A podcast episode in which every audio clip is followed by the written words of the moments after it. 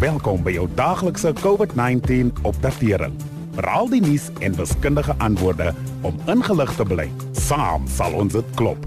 Aangebied deur die Departement van Gesondheid en SABC Radio. In 'n verslag wat vroeër hierdie maand uitgereik is, is bevind dat indien COVID-19 die normale behandeling van tuberkulose en HIV in die wielery dit vernietigende langtermyngevolge kan hê. Die samestellers van die verslag sê as dit 'n onderbreking van 6 maande in die verskaffing van antiretrovirale behandeling veroorsaak, COVID-19 oor die volgende paar jaar kan lei tot 'n half miljoen ekstra sterftes as gevolg van vigsverwante siektes in Sub-Sahara Afrika.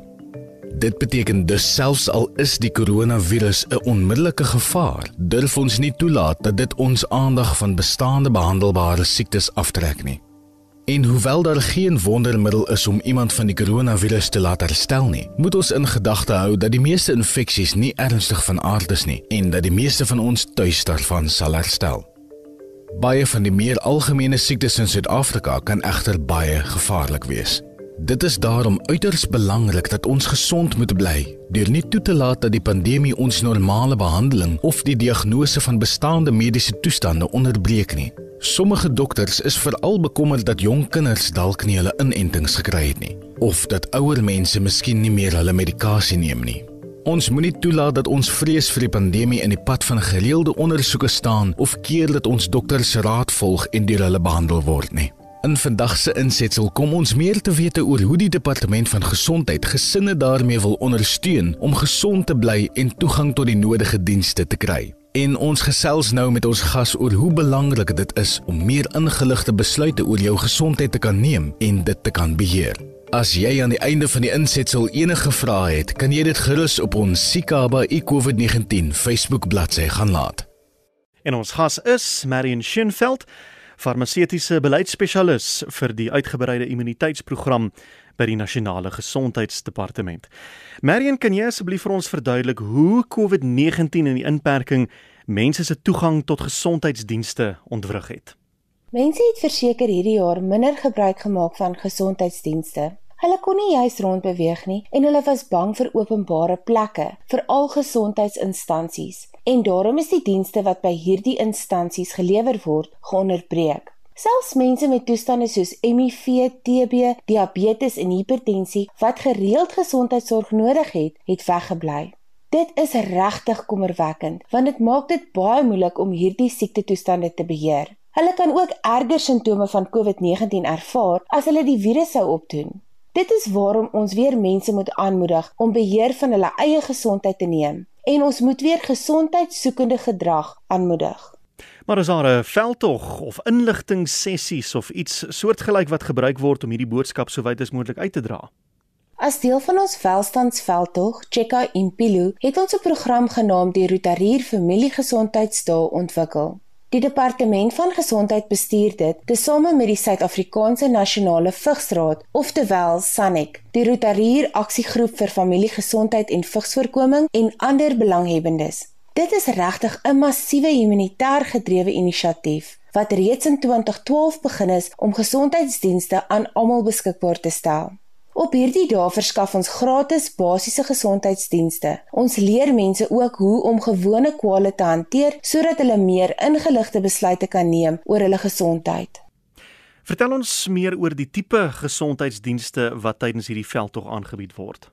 Die hoofdoel van hierdie familiegesondheidsdae is om massasiftings te doen vir algemene siektes en om die hele gesin terselfdertyd te sif, te toets en te behandel.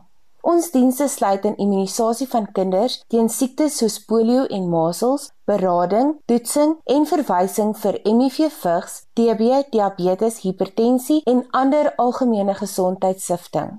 Ons wil lewens red en terselfdertyd kwesbare gesinne, veral kinders, se lewens verbeter. En daarom teiken ons gemeenskappe wat moeilik is om te bereik. Ons moedig almal aan om gesonde gewoontes en beproefde voorkomingsmetodes te volg. Het COVID-19 van jare impak op u program gehad? Die beperking op groot byeenkomste het ook beteken dat ons hierdie jaar nie ons normale massa sifting en toetsveldtog kon loods nie. Nou gaan ons ook iets nuuts probeer. Vanjaar se 2020 Rotarier Familiegesondheidsdae gaan aanlyn aangebied word deur middel van 'n webinar op die 14de Oktober. Hier gaan ons praat oor die belangrikheid van gereelde gesondheidssifting en toetsing vir verskillende siektetoestande en ook hoe belangrik dit is dat mense steeds hulle kroniese medikasie moet drink soos wat dit voorgeskryf is. En as mense hulle voorskrifte laat verval het, moet hulle so gou as moontlik weer teruggaan na die kliniek toe om weer met hulle medikasie te begin. Ons moedig mense steeds aan om voorbehoedmiddels soos kondome te gebruik en na die kliniek toe te gaan vir seksuele en reproduktiewe gesondheidsdienste. Om jy af te sluit Marion, het jy vir ons enige gesondheidswenke? Ja, en die belangrikste ding is, moenie dat COVID-19 jou lewensreddende behandeling of die bestuur van jou siektetoestand in die wiele ry nie.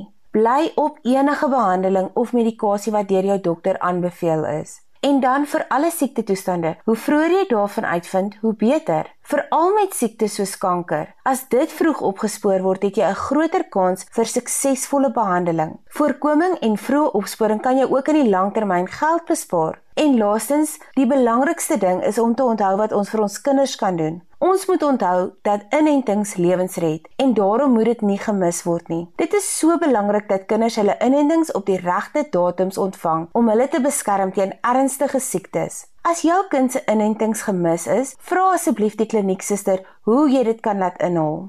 Ons moet sorg dat ons alle aspekte van ons gesondheid beskerm, nie net teen COVID-19 nie. En dit was Marion Scheenveld, farmaseutiese beleidsspesialis vir die uitgebreide immuniteitsprogram by die Nasionale Gesondheidsdepartement. Jy kan môre selfe tyd, selfe frekwensie hier tussen 100 en 104 FM weer by ons aansluit wanneer ons na COVID-19 oor die langtermyn kyk. En ons gaan ook gesels oor die nuwe normaal. Môre middag kwart voor 6 hier in ons uh, COVID-19 insetsel. Dankie dat u geluister het na die daaglikse COVID-19 inligtingstuk aangebied deur die Departement van Gesondheid en SABC Radio in samewerking met die Solidariteitsfonds. Wees veilig, bly gesond. Saam sal ons dit klop. Suid-Afrika.